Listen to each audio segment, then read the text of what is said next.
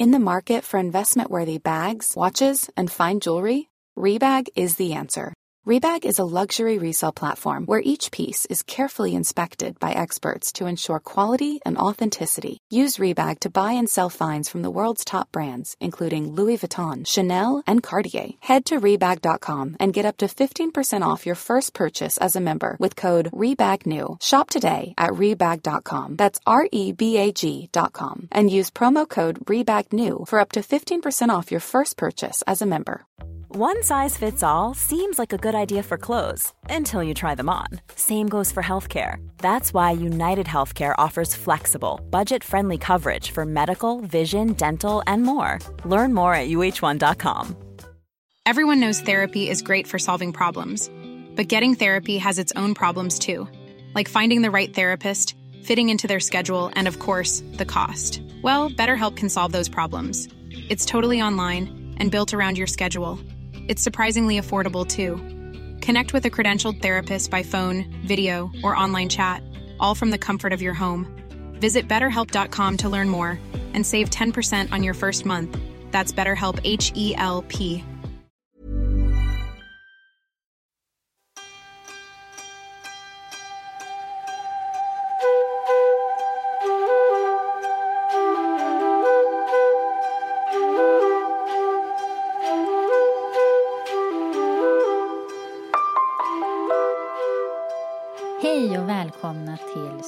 Psykologsnack, podden där vi pratar om psykologi och psykisk hälsa. Och vi som har podden är ju legitimerade psykologer och jag heter Åsa. Och jag heter Sandra. Och i vårt 48 avsnitt, det börjar bli några stycken nu, eh, så har vi bjudit in psykolog Lina Pleijel. Eh, Hej. Hej, hej. Jag bara, gud säger jag ditt efternamn rätt? Vi har Jaha. känt varandra Ja, det gick jättebra. Du gjorde det, vad Mm. bra. Så välkommen Lina. Tack. Eh, Du arbetar ju både med personer individuellt och i parterapi. Och idag är du ju här för att vi ska prata just om parterapi. Det stämmer. Ja, det är ju ett jättespännande ämne som jag och Åsa inte har så mycket. Ingen av oss har jobbat med det direkt. Nej, men det ska bli väldigt eh, spännande att få lära sig mer om det. Ja. Så eh, vi kan bara börja med, vad, vad fick dig att vilja jobba med parterapi?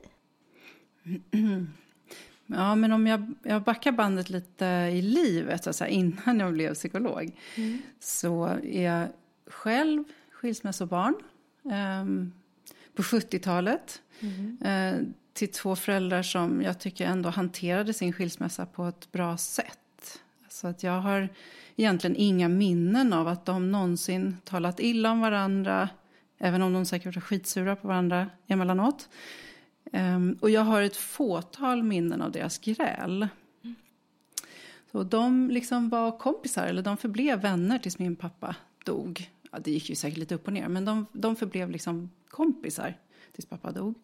Och mamma träffade så småningom, eh, eller efter några år, en ny man som hon fortfarande är gift med och som hon var och fortfarande är väldigt lycklig tillsammans med. Även om det liksom har gungat rejält i deras äktenskap. Så jag tror att jag själv så länge jag kan minnas liksom har funderat på vad, en, vad är en god relation. Eh, mammas och pappas relation klarade liksom inte motgångar men mammas och hennes nya mans relation har uppenbarligen gjort det. Så ehm, när jag själv träffade en partner och fick barn och fick vi liksom inte, i perioder hade vi det jätteroligt, jättebra, men vi fick liksom aldrig riktigt till den där goda relationen. eh, och så småningom så separerade vi också. Eh, jag, hade, jag hade någon slags drömbild av vad det var för någonting. Och en hel del av vår separation kan ju säkert tillskrivas mig och var jag befann mig någonstans. Men jag har sen jobbat en hel del med att försöka förstå mig själv och slipa ner liksom kanter och vassheter. Och, ehm, um, I mean, och sen som psykolog så, så efter att jag har jobbat några år inom eh, individual och gruppterapin så vill jag utmana mig själv och ta psykoterapin ett steg längre. Och att börja jobba med par då kändes utmanande men rätt. För jag tror att det är fortfarande den där driften att förstå. Vad, vad är det som får en relation att fungera? Sen är det ju det, alltså all forskning tyder ju på att våra nära relationer är ju otroligt viktiga för vår hälsa. Men att det är också i dem som det ibland kan bli som allra, allra svårast och snårigast. Mm. Och smärtsammast. Mm. Kanske just för att de är så nära, mm. brukar jag tänka. Så att misstolkningar och längtan och frustrationer kommer till ytan i de relationerna. Mm. Och liksom även så gammalt inlärt emotionellt bagage. Um, och, och, det är inte alltid så lätt att hantera det då, tänker jag. Nej. Men, men vi de, tror att de allra flesta har en, en drift och en längtan efter att få det att fungera. Mm. Mm.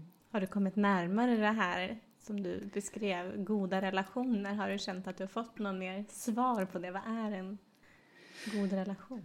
Ja, men det har, det har ju varit, eh, vad ska jag säga, sen jag själv liksom blev vuxen eh, eh, eller började med psykoterapi överhuvudtaget varit en, ett, liksom ett vad säga, utforskningsområde. Vad är det? Mm. Men eh, um, det är ju fortfarande, tycker jag, Det finns ju inga klockrena svar, men jag tycker att jag har kommit några steg närmare. Ja. Mm. Intressant. Vi kanske kommer in på några, några saker längre fram i, i programmet, vad mm. som är så viktiga. Mm, vad som kanske man kan säga kännetecknar en god relation. Ja, eller vad som gör att det inte funkar så bra som är vanligt. Det här kanske var motsatsen, kan man ju tänka sig. Mm. Um, jag blir också lite nyfiken och funderar på Um, dels tyckte jag det var intressant att få höra hur det så här intresset har funnits med under lång tid och det är också intressant, alltså det vet man ju hur skilsmässor kan se olika ut och, och på det viset. Men sen tänker jag, har du någon uppfattning liksom i nuläget hur vanligt det är med eh, att man söker eh, parterapi? Nej, alltså jag har inga sådana uppgifter. Um, och um, det är inte lätt att hitta sådana uppgifter heller. Vi pratade ju lite om det innan här, att det är ju många eh, tvingas ju, eller vad man ska säga, att, att välja den privata vägen eftersom det inte erbjuds i psykiatrin eller i, i primärvården på det sättet. Eh, och då faller ju de bort ur statistiken. Mm. Men eh, jag hoppas att det är vanligt och att det kanske blir vanligare. Och att vi kanske nu när vi med det här avsnittet också bidrar till mm. att, vad ska vi säga, eh, bryta lite tabu, att prata om det och att prata om att ja, men, alla par har väl mer eller mindre sina utmaningar och att eh, kunna få hjälp att eh, komma vidare på olika sätt i vilken riktning man nu behöver hjälpen. Mm. Mm. Så är det verkligen. Alla nära relationer tänker jag också. Det behöver inte vara par. Jag tänker man behöver inte tänka liksom eh, det är lätt att fastna i en stereotyp om vad ett par är men mm. det kan ju röra fler personer än en. Just det, det är intressant. Ja. Är det, är det, innebär det att en parterapi också egentligen skulle kunna vara eh, jag och min mamma till exempel? Ja, men det tycker jag. Och, och det får väl definieras av att det är en relation Eh, där dels att det finns en vilja att förbättra. Mm. Eh, att det finns ett engagemang så att säga. Men sen också att det finns så att säga situationer som eh, triggar beteenden som kanske inte är önskvärda. Alltså att det ska ju finnas någon form av regelbunden interaktion också. Mm. För annars blir det ju svårt att göra på ett annat sätt, tänker jag. Men egentligen så borde man ju kunna förhålla... Alltså, jag kommer att prata mycket mer om det, men IBCT som jag jobbar utifrån jobbar ju väldigt mycket också utifrån vårt förhållningssätt till den andra. Mm. Hur förhåller jag mig till den andras knepigheter, så att säga? Just det. Ja. Mm. Och, och, och, det går ju egentligen att applicera på alla relationer, tänker jag. Mm. mm. Ja, för det, man tänker ju spontant att par är kärleksrelation. Precis. Men det kan ju också vara man lever, vad säger man, flersamt. Mm. Mm. Men också andra relationer som inte är kärleksrelationer då. Ja, så länge det finns liksom en, en intention och en vilja att vara nära och mm. att det finns ett hyfsat frekvent liksom umgänge också. Mm. Det. Mm, men du nämnde ju det här med IBCT. Um, jag förstår att det är det du är utbildad i och arbetar utifrån. Så det är ju en terapiform. Va, vad står det för till att börja med? Ja, som alla sådana här förkortningar så är det kanske inte helt enkelt men, eh, att begripa. Men integrative behavioral couple therapy, alltså en integrativ metod för parterapi som, som står på eh, beteendeteoretisk grund. Okay. Vi kan mm. gå in lite mer på det sen. Mm. Ligger det liksom under kognitiv beteendeterapi, under ja, det paraplyet? Exakt. Ja. Och det integrativa är att man har tagit in ytterligare komponenter som man har sett liksom varit verksamma. Som kanske inte eh, finns i, i liksom ursprungsversionen av KBT på det sättet. Okay. Mm. Intressant. Men hur går det till då? Om vi säger att jag och min eh, kille Marcus skulle komma till dig. Hur går det till när vi kommer på första besöket? Ja, i, i, i, I BCT så pratar man om att man har eh, upp till fyra kartläggande besök. Och kartläggande är ju till skillnad från behandlande eh, Eh, att man, liksom, man är främst ute efter att information och att liksom göra en slags formulering kring vad det är som, som är problemet. Så att säga. Så det första besöket handlar ju om, som på sedvanligt sätt, liksom att få så mycket information som möjligt. Eh, både om liksom hur ni träffades och vad, vad som attraherade er till varandra men också vad som är problemen idag. Att man gör, börjar någon slags problemformulering. Så. Um, och då får ju paret var och en för sig beskriva utifrån sin, sin synvinkel men kanske också en gemensam beskrivning. Vad är problemet? Kan det vara, tänker jag, eh, jag vet inte, jag bara föreställer mig, men kan det finnas några utmaningar som psykolog där, att, så här, att förhålla sig, vad ska man säga, opartiskt i, i när det två personer som beskriver varsin sida kanske av det här problemet eller uppfattar det på olika sätt eller ja, Alltså, så är det ju säkert. Och man har ju säkert en massa liksom, dragningar åt olika håll eh, beroende på e egen bakgrund och vad man själv tycker eh, är, är liksom vettigt och sådär. Men, men jag vet att jag verkligen försöker, jag brukar verkligen, verkligen försöka anstränga mig för att um, hålla, håll, förhålla mig öppen. Och ut, utgångspunkten är att, att verkligen försöka förstå bägge parter.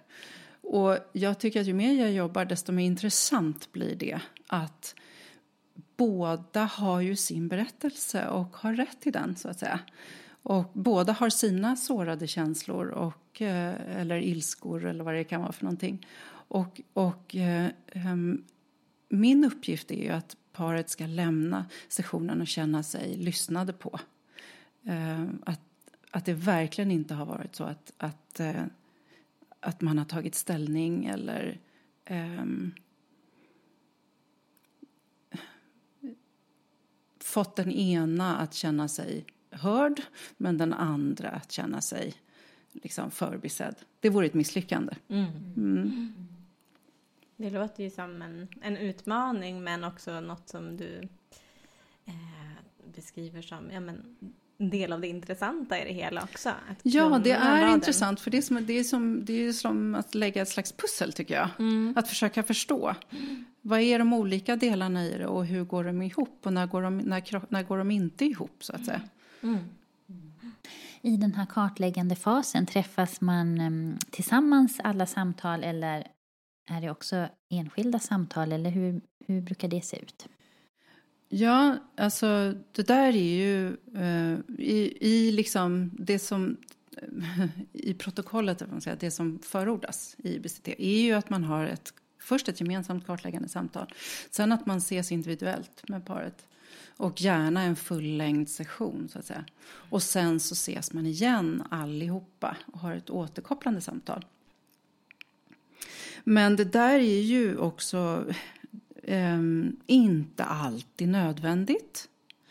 Eh, och eller i vissa fall också en ekonomisk fråga. Mm. Det är ju mm. inte billigt att gå i, i terapi på det sättet. Um, jag läste precis en formulering uh, av grundaren av uh, IBCT som sa att men i alla fall uh, om man kan dela kanske på en fullängdssession att paret får dela på den tiden mm. och, och, prata individuellt. Och för att det kommer ofta fram viktig information då. Mm. mm. Som inte skulle komma då menar man om de skulle sitta tillsammans. Att det blir någon typ av hinder i att få fram det. Kommunicera på det sättet om man sitter två. Ja, det mm. kan du ju göra. Eh, alternativt att det blir en anpassad version. Ja, just det. Um, så också det här att få känna att man kan prata fritt men också att det finns tid att prata om eh, var och ens inlärningshistoria till exempel, relationella inlärningshistoria. Mm. Var kommer man ifrån? Mm. Vad har man med för sig för normer eller mm. förväntningar på en, partera, eller en, en, en parrelation, så att säga, en kärleksrelation. Mm. Okay. Och sen då säger du när du har det här återkopplande samtalet, är det, tar man någon typ av ställning då kring om man ska fortsätta, ut, både utifrån vad du ser och vad de tänker eller vad, vad är nästa steg? Ja, precis. Eh, det jag gör då innan det återkopplande samtalet är ju att sitta ner och göra någon slags analys eller formulering. Mm. Den är ju ett samarbete naturligtvis med paret. Eh, men att föreslå i alla fall teman till exempel. Vad är det återkommande? För ofta är det ju så att vi återkommer till lite samma mm. Teman eller eh, frustrationer eller så. Det är ju sällan det är nya saker som dyker upp. Eh, så vilka är temana och hur ser den så kallade polariseringsprocessen ut? Alltså vad är det som driver paret ifrån varandra snarare än mot varandra? Mm. Och sen liksom det man kallar för mutual trap eller när man fastnar så att säga. När båda känner sig låsta eller inmålade i ett hörn eller mm. inte lyssnade på och så. Så eh, det är ju en återkoppling att ge och sen tillsammans med paret, det är ju jätteviktigt att den här formuleringen blir utifrån parets egna, eh, att de känner att, att det stämmer och mm. att, att det är så att säga eh, den, den väg man föreslår framåt är önskvärd. Mm. Men sen kan det ju finnas skäl till att inte gå vidare med en parterapi. Att paret har, det visar sig att de liksom har bestämt sig kanske för att separera. Mm. Då är det ju snarare en sån process de behöver gå in i. Um, eller att, uh, att det finns pågående otrohet till exempel som man inte är villig att um, um, vara öppen kring eller berätta om. Mm. Mm. Då blir det väldigt svårt att gå vidare. Ja. Mm. Så det kan vara något sånt som har framkommit då i en individuell del att eh, ja, den ena vill inte riktigt vara totalt öppen och då, då är det ditt beslut att inte gå vidare då eller hur? Då är det mitt beslut att ja. inte gå vidare. Mm. Helt enkelt för att det på lång sikt skulle vara väldigt svårt att mm. liksom skapa någon förändring. Ja. Mm. De individuella samtalen är ju, eh, där råder ju liksom så här, viss form av sekretess. Mm. Om, om, personen i fråga säger att jag vill inte att vi tar upp det här Nej. i det gemensamma, då får man ju respektera det. Men, mm. men i övrigt så, så är det ju transparens som ska råda. Ja. Mm. Och det är viktigt. Mm. Mm. Ja, och funkar inte det då såklart så då, då förstår jag att det känns inte som att det går att arbeta vidare med det. Nej. Om det är så att paret har landat liksom i att ta tagit beslut om skilsmässa, är det vanligt att du ändå är med i den processen för att det ska bli en, en smidigare eller en så bra skilsmässa som möjligt? Det kan man ju naturligtvis göra, men då tar det ju en liten annan form, tänker jag. Mm. Eh, till kanske att vara mer stödjande samtal. Mm. Mm. Hur, hur lång brukar en sån här behandling vara? Finns det liksom någon snitt? Eller det kanske är väldigt olika och väldigt individuellt och så? Mm, det har inte jag kollat upp faktiskt. Men um, de, det, är ju, det är ju fyra kartläggande samtal som, som ju kan ha terapeutisk verkan också naturligtvis. Men det är inte det som är syftet, att vara behandlande. Så, och därefter så ingår, går man in i den mer behandlande fasen. Mm. Och um, ibland så är det ju så att par hittar nycklarna och behöver inte så många sessioner egentligen. Mm. Eller att man liksom hittar nycklarna, eh, kör på egen hand, återkommer efter ett tag. Ah, nu har vi kört fast igen. Så. Mm. Men, eh, men eh, ett par, tre sessioner tror jag. Mm. i alla fall. Kan vara något slags snitt. Och när du sa så här fullängd session, vad innebär det? Ja, det är ju helt enkelt 45-50 minuter. Som är, det är väl det traditionella. Det finns väl ingen forskning på att det är den optimala tiden men det är väl en slags traditionell terapisession. Så. Mm. Jag blir nyfiken också, nu kommer jag lite ifrån här just så, men, och där får man ju välja själv. Men har ni själva erfarenhet av parterapi? Jag tänker jag och Marcus gick ju det för några år sedan och jag skulle säga att jag tycker att alla våra kompisar, men det kanske har med ålder också att göra, eh, har gått i parterapi. Eh, så jag tyckte ju att det var superbra och hjälpsamt och det tror jag, om jag nu ska tala för honom här, men jag tror att han också faktiskt, att vi båda tyckte det. Mm. Bra. Ja, jag har erfarenhet av det. Ja, både i mitt tidigare äktenskap och min nuvarande relation. Mm.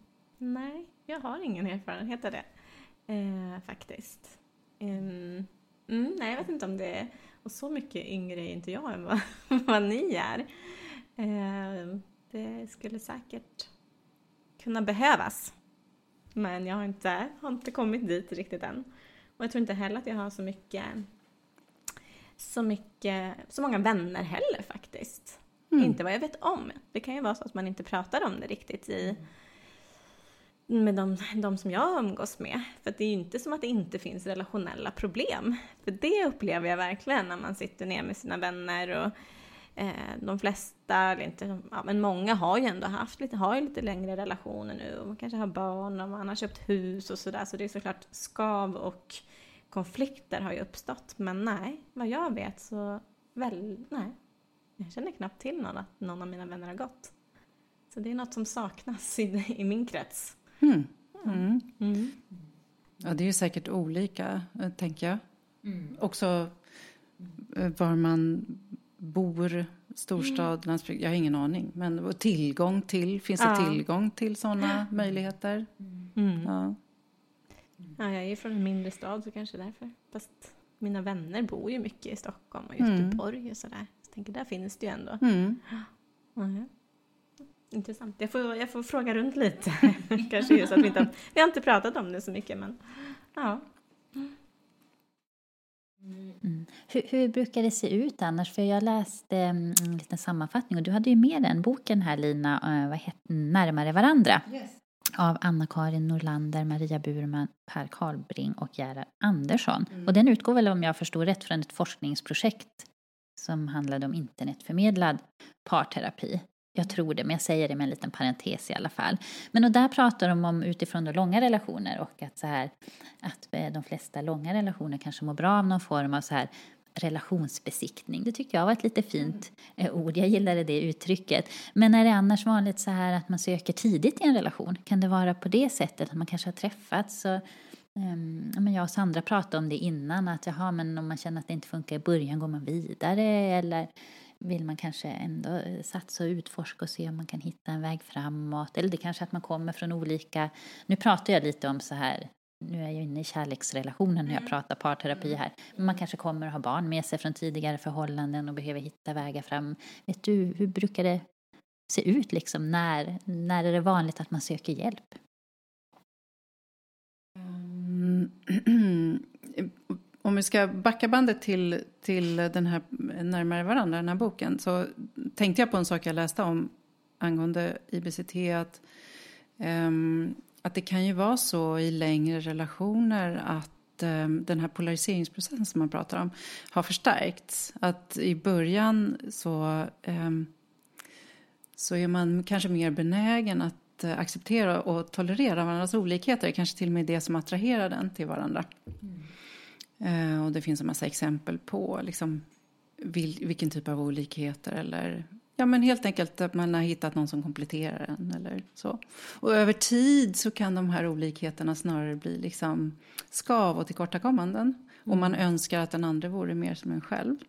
Det kan man ju känna igen. Vad enkelt det vore om han bara var lite mer som jag.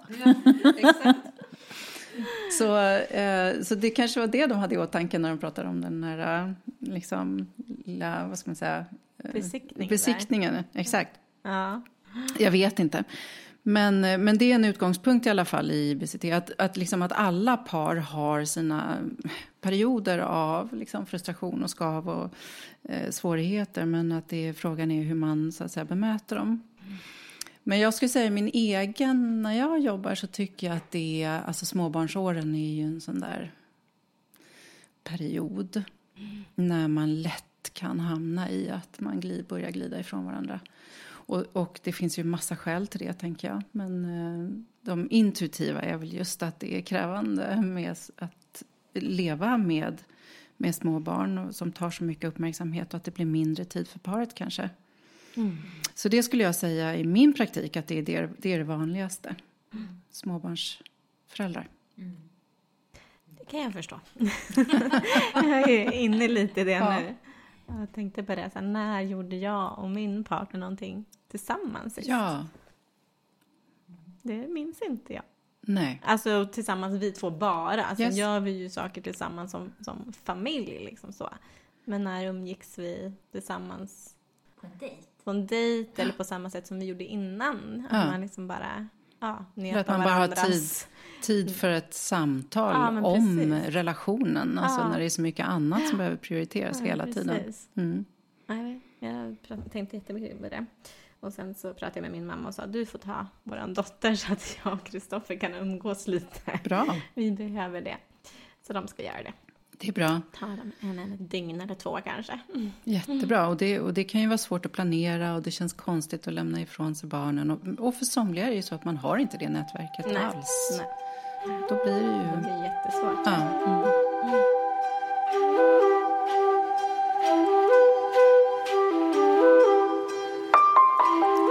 Lina, du nämnde ju att eh, IBCT skilde sig lite åt från ja, en mer traditionell Eh, KBT. På vilket sätt eh, gör det det? Eh, IBCT mynnar ju ur traditionell eller eh, TBCT som det är samma grundare så att säga eh, för par.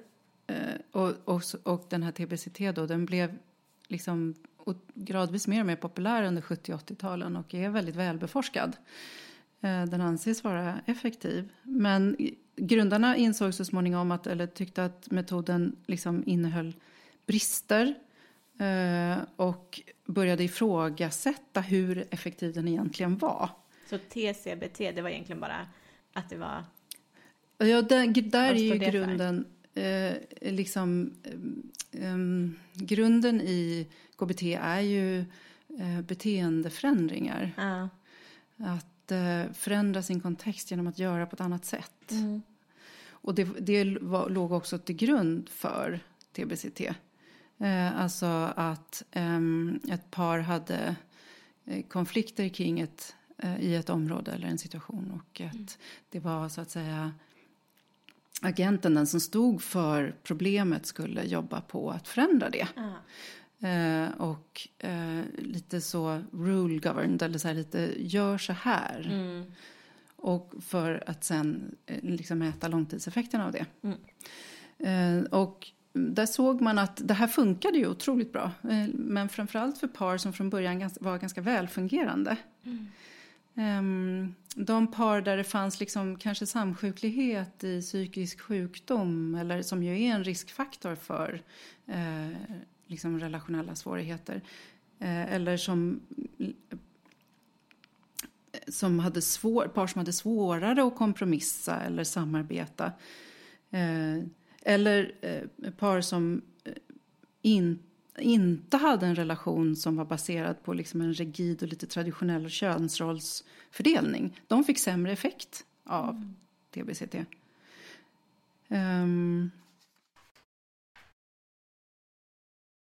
Så, så såg man att par som liksom kämpade med mer basala eller så här oförenliga skillnader och oförsonlighet. De var mindre villiga att jobba med den här traditionella beteendeförändringsstrategin. Trots att man liksom var villig att förbättra sin relation så var det svårare. Och, och så började man fundera då på vad som kunde vara hindret för de här paren. Och det verkar som att det stora fokus den här terapin la eh, på förändring verkade inte liksom lira med de här parens egentliga behov.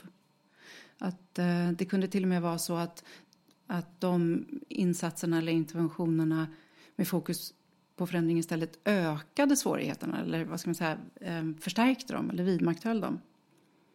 Och att det man snarare kanske behövde jobba med var acceptans. Att det var det som var liksom the missing link. Mm. Ja. Mm. Och då kommer vi till acceptans, ja. det begreppet. Ja. Mm. Och, och vad är det? Och vad är det inte? Mm.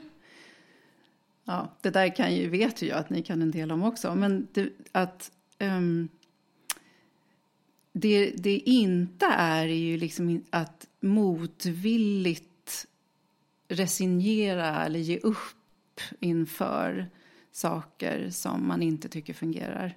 Eller att man liksom ska, eh, anpassar sig till någonting som inte är bra för en. Det är ju inte acceptans. Eh, utan acceptansen ska liksom, vad ska man säga, ge ett hoppfullt alternativ till förändringar som man inte klarar att göra. Så, ehm, och i förlängningen med lite träning ett sätt att använda sig av sina problem kanske. Eh, eller sina olikheter. Att snarare komma närmare varandra.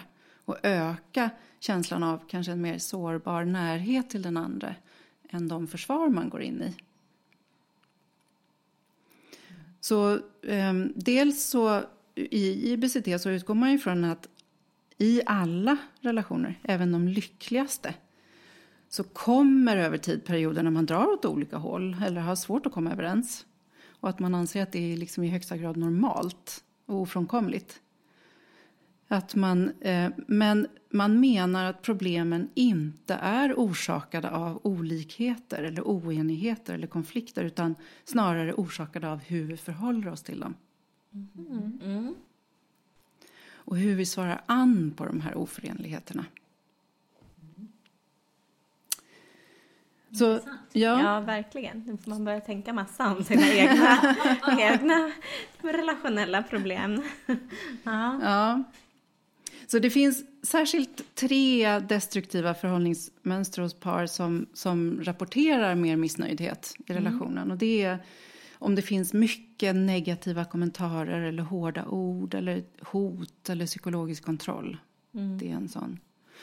Um, eller om partnerna i en relation liksom förtalar varandra på ett illvilligt sätt. Eller den här polariseringen, att man har börjat glida ifrån varandra snarare än mot varandra. Ja, och vi pratade ju tidigare, eller vi pratade nyss om det här att eh, man kanske mm, i början av en relation har lättare att tolerera olikheter, eller kanske till och med det som är attraktivt hos den andra. Mm. Och man är också mer villig att kompromissa. Men eh, över tid så kan den här villigheten liksom börja erodera. Och särskilt, jag tänker om vi återgår till det här med småbarnsåren. Mm. Att när man liksom är sjukt trött eh, mm. och tiden är knapp och man hela tiden måste kanske prioritera det här lilla barnet framför egna känslor mm. eller behov. Mm. Så är det ju lätt hänt. Mm.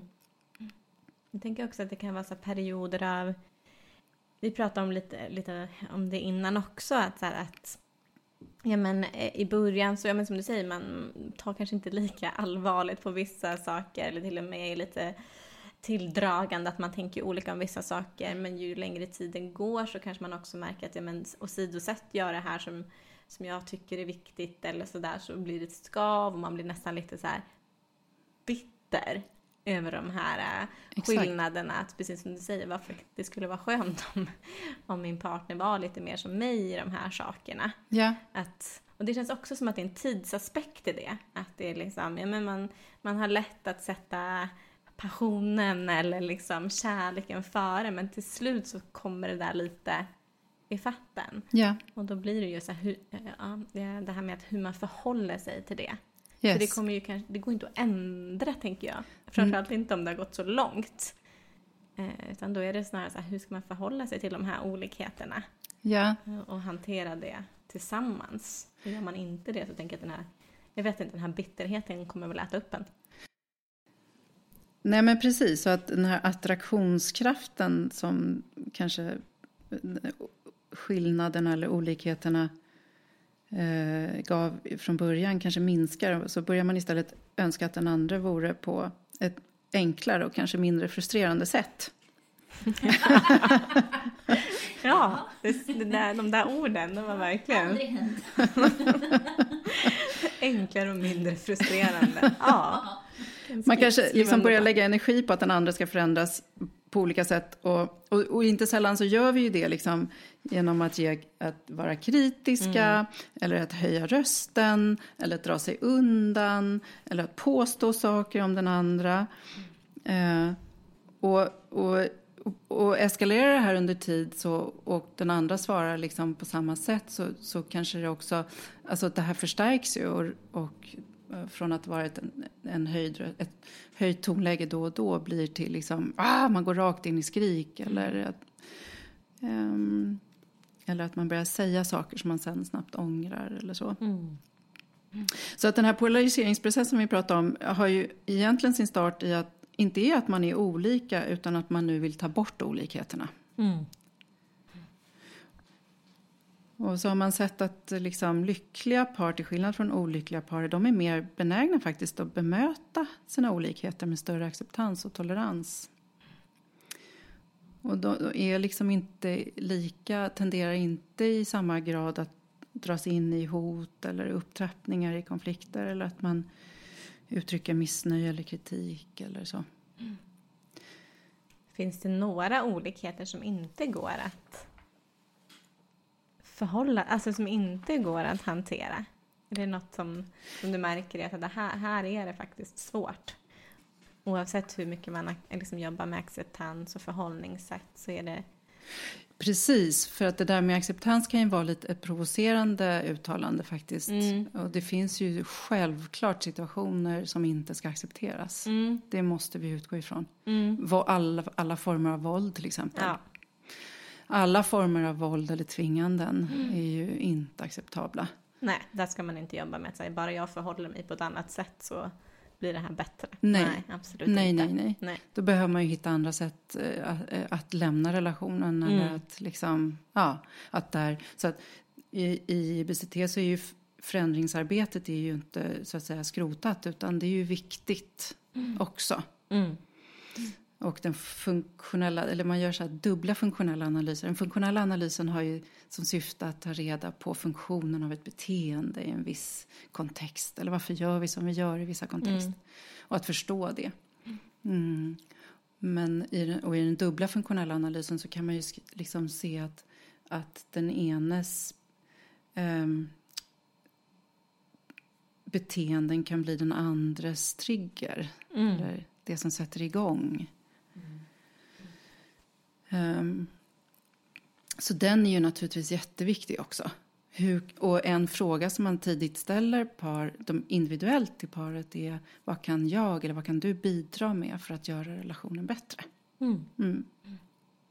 Jätteviktig fråga. Mm, verkligen. Och som jag tror många kan ju säkert ha ju säkert några svar på det faktiskt. Mm. Att man kanske också kan se vissa saker som man gör som kanske inte alltid är så hjälpsamt. Förhoppningsvis. Precis. Ja. Men ändå har lite insikt. Ja. ja. Mm. Mm. Så ja, utgångspunkten är ju att beteenden spelar roll naturligtvis ja. i alla relationer. Mm. Så man jobbar både med då acceptansen men sen också den andra delen, alltså förändringen.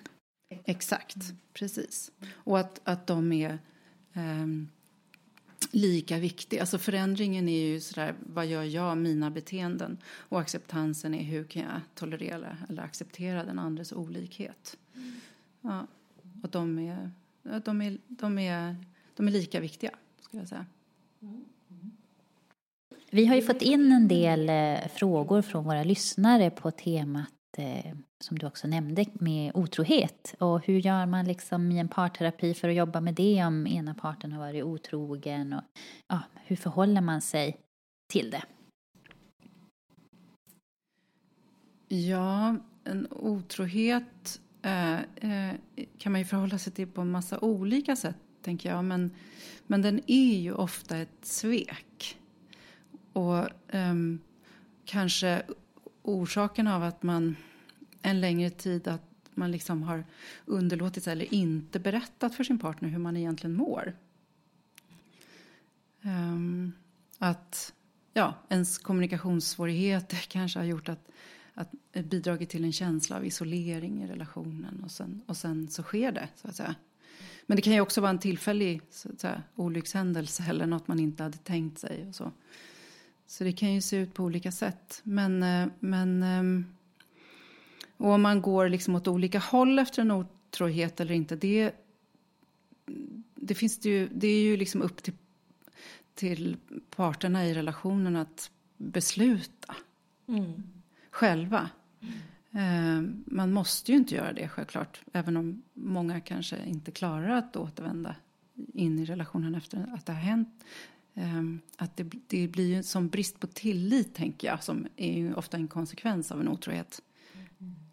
Um, men sen finns det också, tänker jag, en massa normer mm. som säger att en otrohet är absolut förbjudet och inte bör, det bör inte tolereras. Och, ja, det är svårt, tänker jag, mm. att förhålla sig till. Mm. Men om man bara tänker um, om, om det har då skett ett liksom brott i tilliten, mm. finns det någonting hur, hur jobbar man med i så fall för att återuppbygga det om det är någonting som om paret vill gå vidare och man känner att man har viljan att, att jobba med att hitta tillbaka till den här tilliten.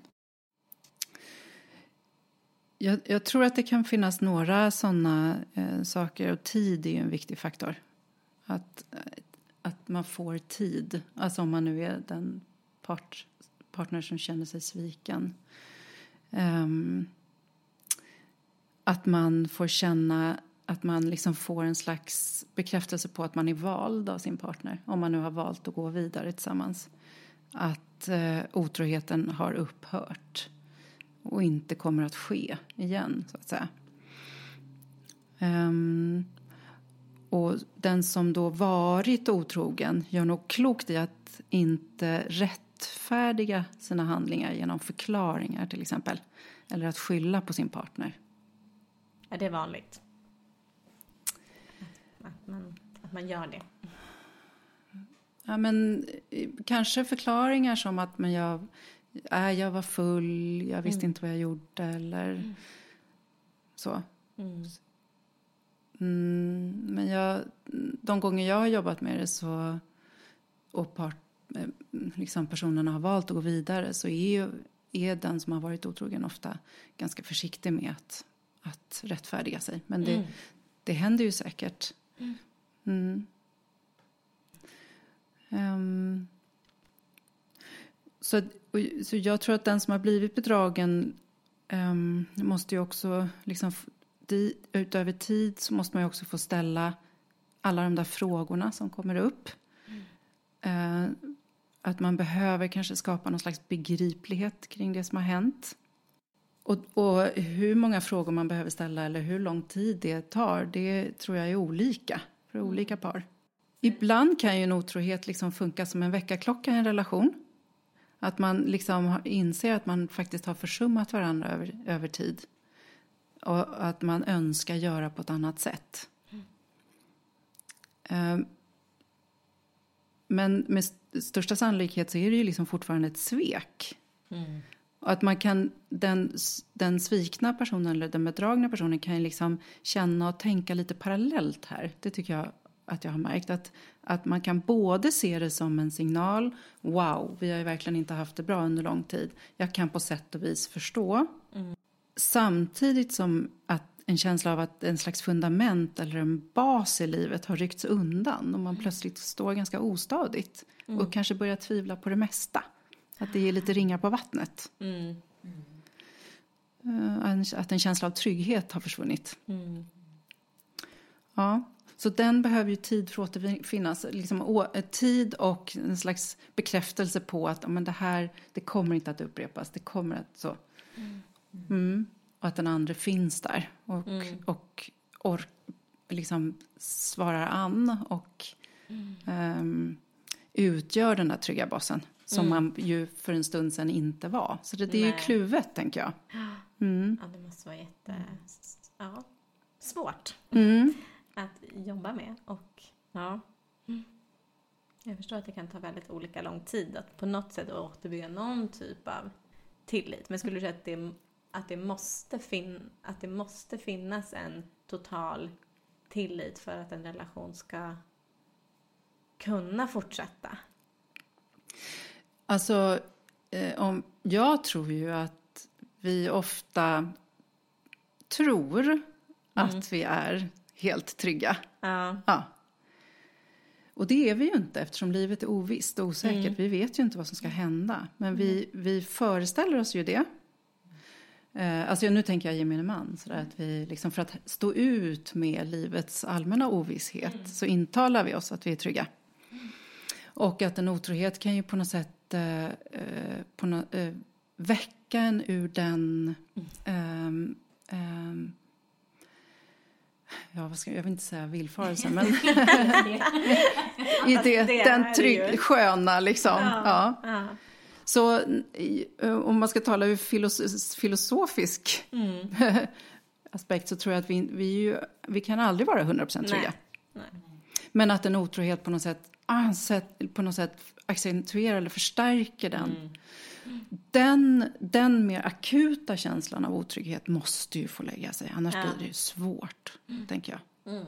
Ja. Och sen det här resterande, liksom, ja, livet är jäkligt ovisst och saker kan hända. Den behöver vi träna oss att leva med. Mm. mm. Ja, det är, jag kan själv kan ju tänka att det skulle vara svårt att tro på om personen säger det jag lovar, det kommer aldrig hända igen. Mm. Just med också så här att vad som helst kan hända. Mm. Ja. Det kanske är lika bra, det kanske är jag som är otrogen ja. om fyra år efter ja. massa saker som har, mm. vad, ja, vad nu som har hänt. Så att samma sak som jag ibland kan tänka, när man, när man gifter sig, ja, men man lovar att, att leva med varandra liksom tills döden skiljer sig, till döden skiljer en åt att det är så här, mm, kan vi lova det? Mm. det kan mm. hända så mycket på vägen. Ja. ja. Men jag förstår, det här grund, alltså man måste komma tillbaka till någon typ av tillit igen i alla fall. Det kanske inte kommer vara samma trygghetskänsla som innan, men det kommer vara någon typ av grund att stå på, annars kan det vara svårt. Mm. Mm. Och, och där är väl liksom förhållningssättet, tänker jag, att ord spelar kanske mindre roll i det här sammanhanget och, och handlingar mer. Mm. Eh, att, att fortsätta att jobba på att inte fastna i en kritisk ton eller att vara nedlåtande mot varandra eller att, att ta på varandra. Fysisk närhet kan ju vara viktig om man nu eh, vill det. Mm. Eh, att, att man värnar om det man har haft, att man pratar om fina minnen eller saker man har gjort och att relationen har varit lång och att den mestadels har varit bra kanske. Varför man blev attraherade mm. av varandra från början. Eller, alltså att jobba på den här vi-känslan. Mm. När vi nu då pratar om otrohet, um, hur, hur, definierar man otroheten? Var går gränsen? Alltså jag föreställer mig att det kan såklart se ut på olika sätt, men vad säger du? Ja, alltså det, det där är ju en väldigt, väldigt bra fråga, tycker jag. Um, jag tänker att, att, att i den bästa av världar så är det någonting som så att säga definieras inom ramen för relationen. Vad tycker du är otrohet? Vad tycker jag är otrohet? För det kan ju skilja sig åt ganska mycket, tänker jag. Och det kan ju också finnas kulturella skillnader i det där. Um, normer eller vad man har vuxit upp med eller hört sina föräldrar säga eller stå ut med eller vad, ja, så kan man förlåta en otrohet, tänker jag. Att man kanske, då gör man det så kanske man har haft en rollmodell som har lyckats göra det. Någon i ens närhet eller en förälder eller så. Att man har sett att det, det går bra att göra det. Men eh, så att definitionen av en otrohet är ju, är ju liksom personlig eller individuell. Eller vad, vad säger du? Mm. Eller ni? Ja, verkligen. Jag tänker det här som du säger att det är ett svek. Alltså det borde ju... Det är ju liksom hur hur mycket man upplever det som ett, som ett svek, som ett brott Precis. mot någon typ av överenskommelse i mm. relationen. Mm. Men sen tänker jag på, som du säger, den bästa av alla världar, att man har pratat om det. Eh, det undrar jag om det är så vanligt mm. att man har det. Nej, men jag tror att man utgår väldigt mycket från sin egen definition ja. av vad en otrohet är. Och också sätter, då blir det liksom känslomässigt kopplat också, eller vad ska man säga, triggat. Att om, om min definition går vid eh, att eh, flörta med en kollega, eh, ja, då kommer jag ju förmodligen att bli, känna mig sviken om min partner gör det. Men om jag sätter definitionen någon annanstans, alltså om det är vid sex eller mm. att man har inlett en relation, ja då kommer ju, då kommer ju känslan av svek komma där. Mm. Så, Ja, men precis. så att det, jag tror att det, ehm, det är nog inte så dumt att, att liksom, i alla fall veta vad ens partner, hur ens partner definierar Mm. otrohet. Men jag tänker, kan det vara en, en, finnas en rädsla i relationer att ändå prata om det? För att man tänker så här, men om jag säger nu till dig att men här går min gräns, så här tänker jag, att, att då tänker den, jaha okej. Då, då, är det, då är det fritt fram här. Men jag tänker också att jag kanske inte riktigt vet Nej, förrän det uppstår. Nej. Att det är så här, skulle jag, ja, jag kan ju tänka att så här, så här tror jag att jag skulle tycka. Men skulle det sen uppdagas att så här, ja, men nu har eh, smsat med någon, då kanske jag blir, upplever större svek än vad jag trodde att jag skulle göra. så kan det ju verkligen vara också. Ja. Verkligen, att man har en, en, en tanke om Ja, hur, eller upplever sig själv som väldigt tolerant och sen Ja. när det kommer till kritan så, jo, nej. Så var man inte alls så tolerant. nej men Eller det var väldigt känsligt eller Då är man sårbart. Eller, jättetolerant, mer tolerant än vad man tror. ja, Så kanske det också kan vara. ja, Ja, nej, men det kanske som sagt, ja men det måste också finnas, jag håller, tänker också där, kanske finns en rädsla att definiera det också. Att det skapar på något sätt, att då öppnar man upp för att, ja, men det här är okej, det kan du göra. Sen tycker jag, sen tycker jag alltså, i alla fall i vår kontext här i Sverige, så tycker jag att det finns ju också eh, man får ju lite vara på sin egen vakt vad det gäller svartsjuka. Alltså att det här att kanske ha, fälla kommentarer om vad den andra har på sig eller att, att, ehm, att man insinuerar att den andra kanske är otrogen eller flörtig för att den beter sig på ett visst sätt. Eh, Alltså det där är ju också det är en definitionsfråga. Vad går, vad går det över i att man faktiskt vill kontrollera den andra personen? Va, för det måste ju, tänker jag, att vara en vanlig, ett vanligt problem. Man har någon typ av konflikt i en relation. Ja, och jag tänker att det finns väl ingen relation som är konfliktfri Nej. heller. Men man, om man kollar lite på vanliga risksituationer för konflikt då, Mm. Så är det ju just sådär som jag pratat om eh, en hel del, benägenheten att kanske vara kritisk, att man ställer orättvisa krav eller att man har förväntningar på sin partner eller på samlivet som partnern kanske inte har förmåga att leva upp till. Eller, Ehm, och att irritation och frustration byggs upp över tid. Ehm, eller att man känner sig avvisad, är ju också en sån risksituation. Men konflikter startar ju ofta med att den ena gör någonting som triggar den andra och som sätter igång en reaktion hos den personen. Och varje gång en sån här trigger eller konfliktsituation upprepas så riskerar vi ju att bli mer och mer känsliga för varandras reaktioner. Och snart kanske det behövs ganska lite för att den konflikten ska liksom vara i full blom, eller vad man ska säga, full fart. Ehm, och på det sättet så kan ju såna här till synes liksom mindre vad ska jag säga, objektivt mindre saker som kläder som slängs på golvet eller skor spridda i hallen eller så skapa ganska stor dramatik på sikt. Det kan det. Ja. Ja. För att där och då i stridens hetta så tenderar vi ju att vara ganska övertygade om att det är vi själva som har rätt och den andra som har fel. Ehm, och att det bästa vore om partnern gjorde på ett annat sätt.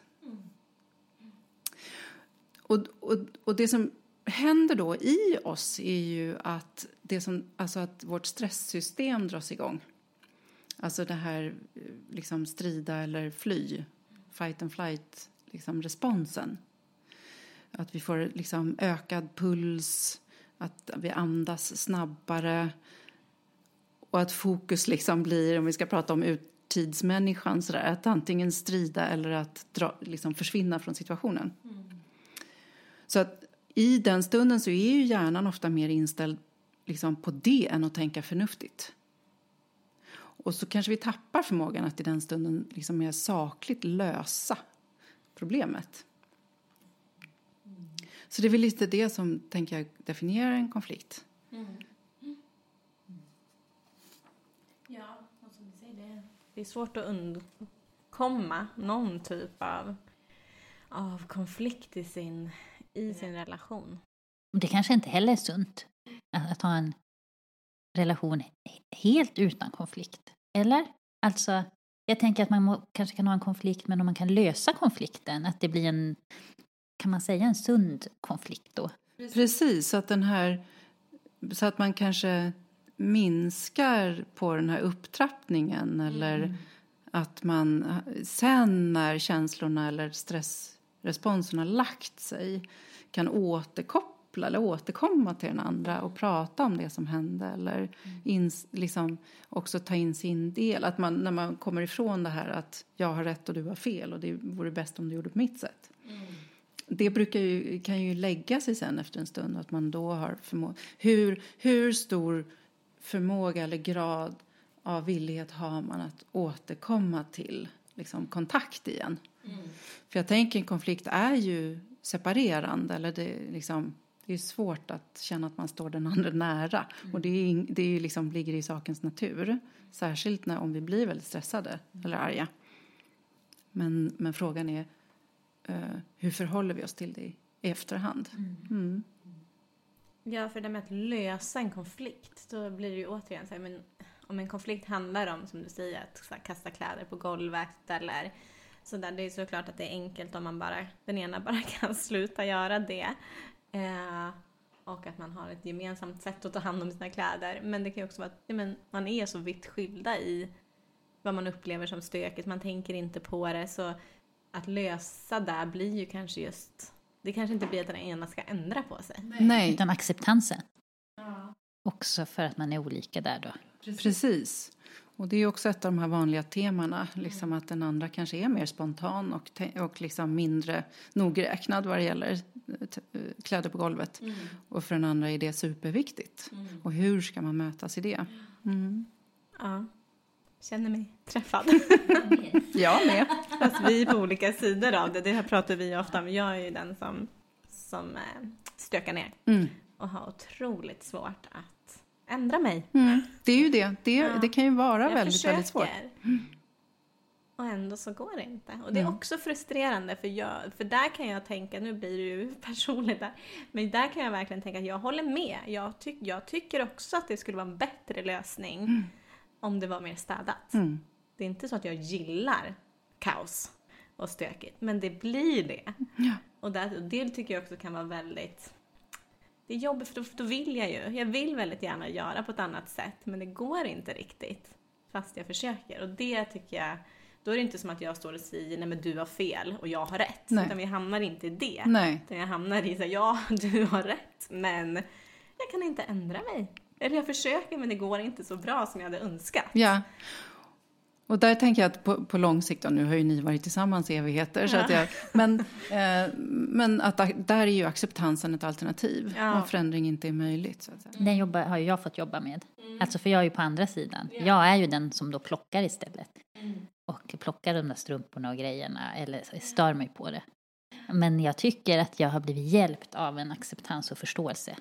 Och jag tror inte då eh, från Markus sida, ibland kanske, men ganska ofta är det kanske också omedvetet. Det är bara hamnar lite saker här och där och skåpluckor är öppna och det är liksom det ena. Och då, om jag då ska gå in i, i liksom kamp om det hela tiden, det tar mycket energi från mig och det påverkar ju honom.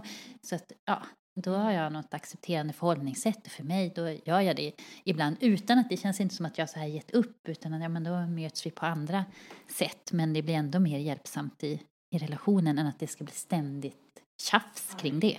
Mm. Om han nu håller med mig i det. Låter jag bara känna så här, hmm, jag jobbar jag så bra med det här?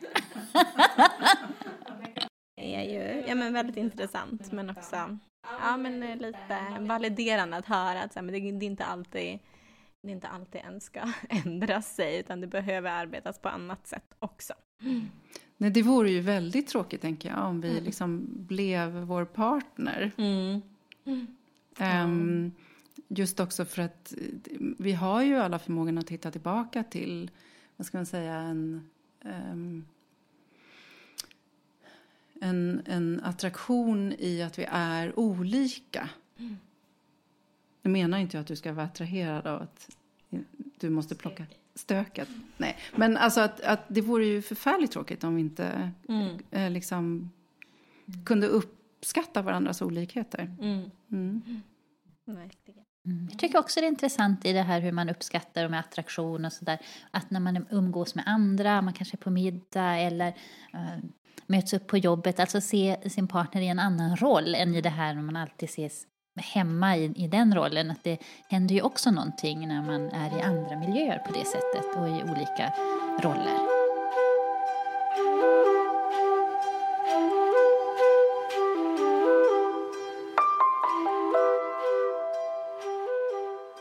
Nej, men en fråga som ni ställde innan det var ju det här om det finns fördomar kring parterapi. Och eh, jag hoppas ju att de ska minska. Jag hoppas att genom ett sånt här program att de minskar ännu mer. Men ehm, en, jag, och jag vet inte, jag kommer inte i, i, kontakt så mycket kanske. Det finns ju naturligtvis oro och vad kan hända och det känns läskigt och ska vi bråka inför någon annan och så att det kanske är en privat sak och sådär. Men en, en fördom som jag tycker jag har hört, men mindre och mindre, det är ju att liksom går man i parterapi då betyder det att relationen är i en slutfas. Mm. Och så behöver det ju verkligen inte vara. Tvärtom. Mm. Mm. Men det är, jag tänker att det är ett tydligt tecken på att man är villig att kämpa. Eller mm. villig att liksom försöka. Mm. Men ja, det kanske är en, jag förstår den fördomen också. Att det är kanske så man tänker. Mm. Verkligen, så var det nog tror jag när vi skulle börja gå. Det blir svårt att säga här utan att hänga ut någon, vem det som var som var kanske lite skeptisk. Men sen blev det väldigt, väldigt bra och mm. som sagt, eh, både jag och Marcus har ju rekommenderat till andra och pratat om det och eh, så jag, om man eh, funderar på det så kan jag varmt rekommendera att man kan ju gå på så här kartläggande samtal för att undersöka om det är någonting som man mm. vill. En sak som är viktig som jag vill tillägga så här i slutet det är ju att man känner att man klickar med terapeuten och att man känner, att man känner den här ömsesidiga, att båda känner sig förstådda och lyssnade på. Uh, infinner det sig inte så ska man ju inte liksom kämpa sig kvar i en parterapi tänker jag utan då, då får man, ja, det är kanske en process men byta helt enkelt. Mm. Ja det är ju jätteviktigt. Mm. Ja. Men om man eh, är intresserad av eh, parterapi, för vad jag vet så finns det ju till exempel via eh, kommunen, familjerådgivningen, jag tror kyrkan har. Om man skulle vilja gå i parterapi hos dig, hur gör man då? Ja, då får man gärna kontakta mig. Jag jobbar ju i Stockholm men också online. Jag har faktiskt parterapier online också. Playel psykologi, SE heter den. Mm. Så det är mitt efternamn plus psykologi. Så där kan man hitta lite kontaktuppgifter och så eller? Precis. Mm. Vi kan ju faktiskt också sen när vi släpper avsnittet lägga upp det på vår Instagram. Om du vill. Ja, gärna. Tusen, tusen tack Lina för att du ville komma och gästa oss. Så intressant och eh, lärorikt. Tusen tack för att jag fick komma.